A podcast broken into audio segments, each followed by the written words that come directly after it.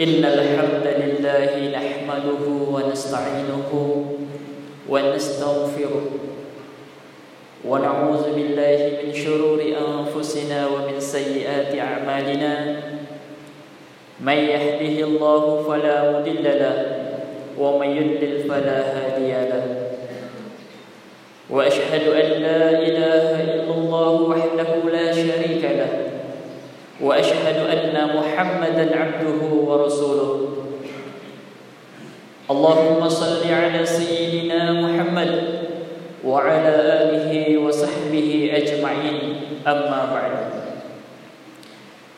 فيا أيها المسلمون اتقوا الله حق تقاته ولا تموتن إلا وأنتم مسلمون. فقد قال الله تعالى في كتابه الكريم wa ma khalaqatul jinna wal insa illa liya'budun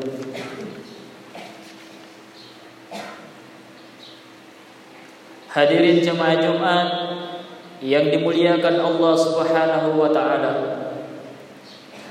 Alhamdulillah kita semua diberikan nikmat oleh Allah Subhanahu wa taala. Nikmat iman, nikmat sehat, sehingga bisa menjalankan ibadah salat Jumat. Sembari bersilaturahim dengan keluarga kita, kerabat kita dan tetangga kita. Salawat dan salam semoga senantiasa dilimpahkan kepada junjungan kita Nabi Muhammad sallallahu alaihi wasallam. Yang sangat kita harapkan syafaatnya kelak di hari kiamat Hadirin jemaah Jumat yang dimuliakan Allah. Pada kesempatan khutbah Jumat ini, kami tidak bosan-bosannya untuk mengingatkan kita semua. Marilah kita meningkatkan kualitas ketakwaan kita kepada Allah Subhanahu wa taala dengan menjalankan semua perintah-perintahnya dan menjauhi segala apa yang dilarangnya. Takwa dimanapun kita berada, di tempat kerja, di jalan raya, di tempat-tempat umum, di tempat sepi, semoga kita tetap menjalankan ketakwaan kepada Allah Subhanahu wa taala. Hadirin jemaah Jumat yang dimuliakan Allah. Beberapa hari yang lalu kita menyaksikan peristiwa alam berupa gerhana matahari dan sebagian kita telah menjalankan salat khusuf atau salat sunnah gerhana matahari sebagaimana dicontohkan oleh Rasulullah sallallahu alaihi wasallam. Gerhana matahari adalah bagian kecil dari tanda-tanda kebesaran Allah Subhanahu wa taala. Di dalam Al-Qur'an banyak sekali ayat-ayat yang menjelaskan tentang tanda-tanda kebesaran Allah yang berkaitan dengan benda-benda langit yang berkaitan dengan disiplin ilmu falak atau ilmu astronomi. Di dalam surah yasin ayat 38 sampai 40 yang sering sekali kita baca Allah Subhanahu wa taala berfirman والشمس تجري لمستقر لها ذلك تقدير العزيز العليم والقمر قدرناه منازل حتى عاد كالأرجون القديم لا الشمس ينبغي لها أن تدرك القمر ولا الليل سابق النهار وكل في فلك يسبحون Semua benda langit beredar pada orbitnya wa kullu fi falaki yasbahun Peredaran benda langit terutama bumi, bulan dan matahari ini digunakan oleh manusia sebagai penanda waktu, penanda hari, penanda bulan dan penanda tahun.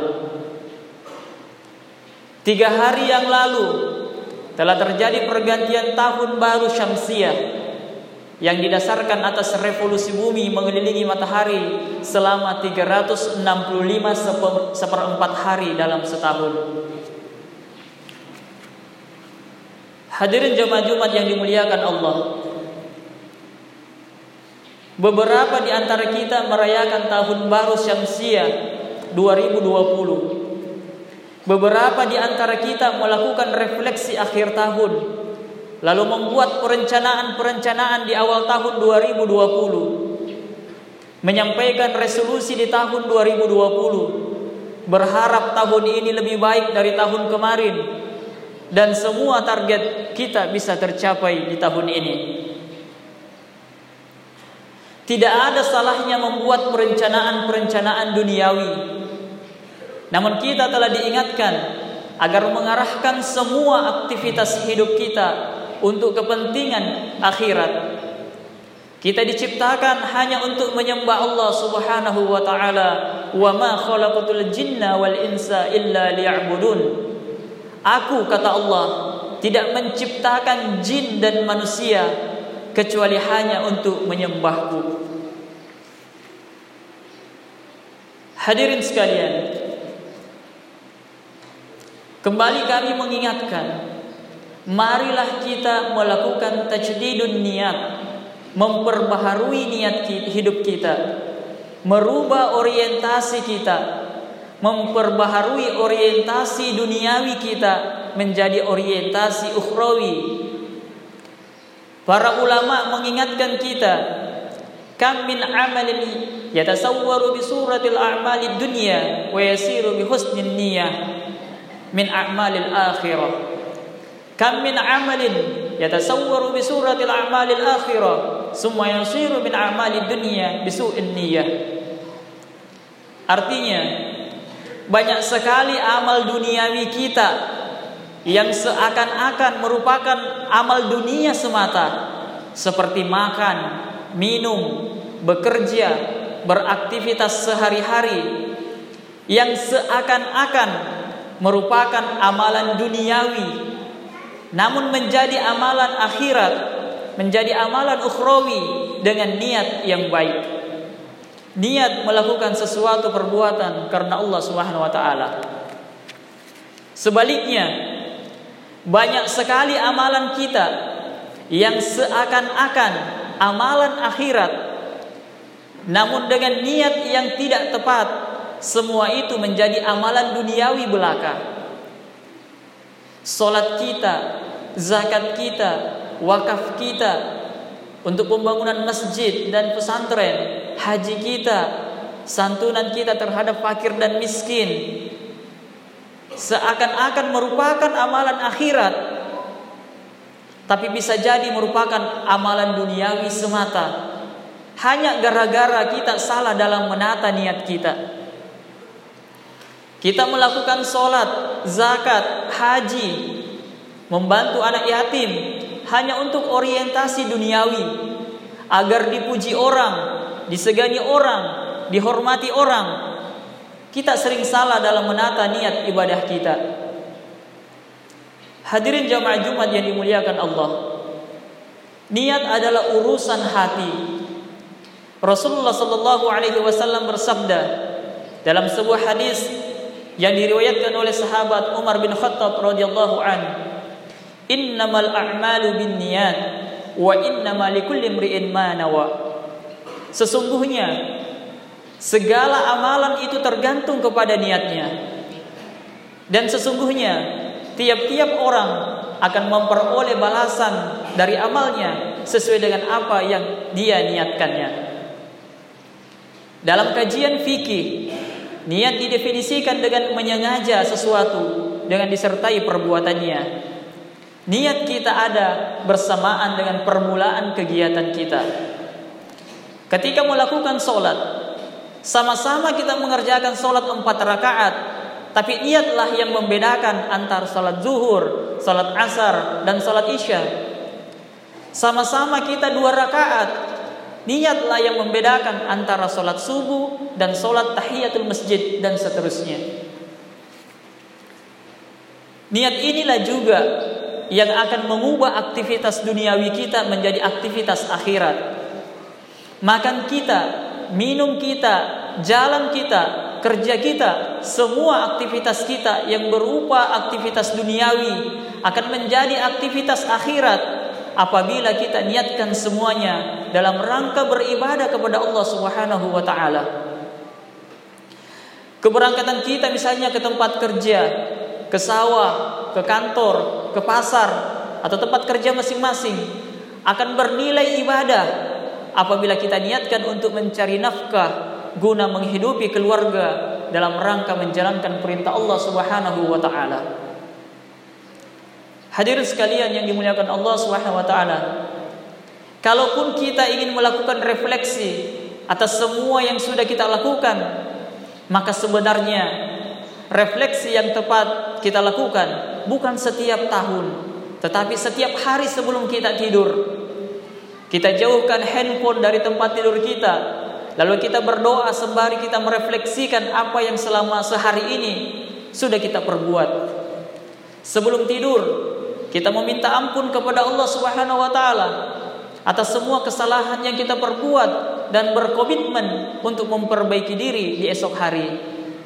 Hadirin sekalian yang dimuliakan Allah, keesokan harinya setelah kita bangun tidur, sebelum kita memegang handphone kita, kita berdoa, mengambil air wudu, salat subuh, kemudian berzikir seraya berdoa dan menata niat kita.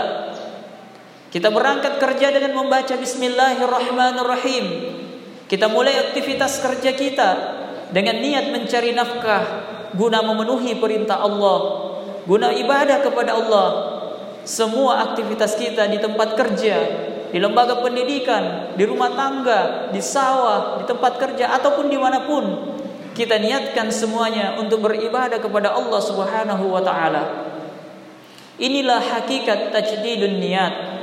Dengan menata niat, kita juga akan tertuntun untuk senantiasa takwa kepada Allah.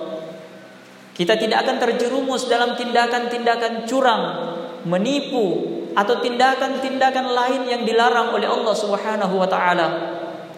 Dengan menata niat, semua aktivitas kita akan dibimbing oleh Allah, akan sesuai dengan apa yang dikehendaki olehnya. Hadirin sekalian yang dimuliakan Allah, marilah kita senantiasa memperbaharui niat kita bisa jadi sempat terbesit niat kita yang kurang bagus di suatu aktivitas kita Atau kita lupa dengan Allah di tengah aktivitas kita Namun tidak tertutup bagi kita untuk bisa memperbaharui niat kita Dengan mengorientasikan kembali semua aktivitas kita Agar sesuai dengan apa yang dikehendaki oleh Allah SWT Akhirul kalam Mudah-mudahan apa yang kami sampaikan Bermanfaat buat diri pribadi dan buat kita semua. Amin Ya Rabbal Alamin وسارعوا إلى مغفرة من ربكم وجنات أرضها السماوات والأرض. وعدة للمتقين.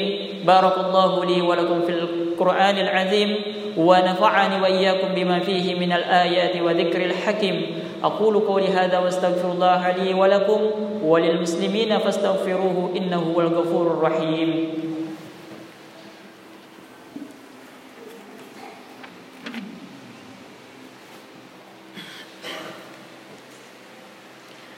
الحمد لله على إحسانه وشكر له على توفيقه وامتنانه.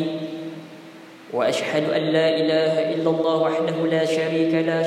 وأشهد أن سيدنا محمدا عبده ورسوله داعي إلى رضوانه. اللهم صل على سيدنا محمد وعلى آله وأصحابه وسلم تسليما كثيرا. أما بعد فيا أيها الناس اتقوا الله فيما أمر واتهوا أما نهى واعلم أن الله أمركم بأمر بدأ فيه بنفسه وثنى بملائكته بقدسه وقال تعالى إن الله وملائكته يصلون على النبي يا أيها الذين آمنوا صلوا عليه وسلموا تسليما اللهم صل على سيدنا محمد صلى الله عليه وسلم وعلى آله سيدنا محمد وعلى أنبيائك ورسلك وملائكة المقربين وارض اللهم عن الخلفاء الراشدين أبي بكر وعمر وعثمان وعلي وأن بقية الصحابة والتابعين وتابع التابعين لهم بإحسان إلى يوم الدين وارض عنا معهم برحمتك يا أرحم الراحمين اللهم اغفر للمؤمنين والمؤمنات والمسلمين والمسلمات الأحياء منهم والأموات اللهم اعز الاسلام والمسلمين واذل الشرك والمشركين وانصر عبادك الموحدين وانصر من نصر الدين واخذل من خذل المسلمين ودمر اعداء الدين واعل كلماتك الى يوم الدين اللهم ادفع عنا البلاء والوباء والزلازل والمحان وسوء الفتنة والمحان ما ظهر منها وما بدن عن بلادنا إندونيسيا خاصة وسائر البلدان المسلمين عامة. يا رب العالمين. ربنا آتنا في الدنيا حسنة وفي الآخرة حسنة وقنا عذاب النار. ربنا ظلمنا أنفسنا وإن لم تغفر لنا وترحمنا لنكونن من الخاسرين. عباد الله. إن الله يأمرنا بالعدل والإحسان وإيتاء ذي القربى وينهى عن الفحشاء والمنكر والبغي يعظكم لعلكم تذكرون واذكروا الله العظيم يذكركم واشكروه على نعمه يزدكم ولذكر الله أكبر في الصلاة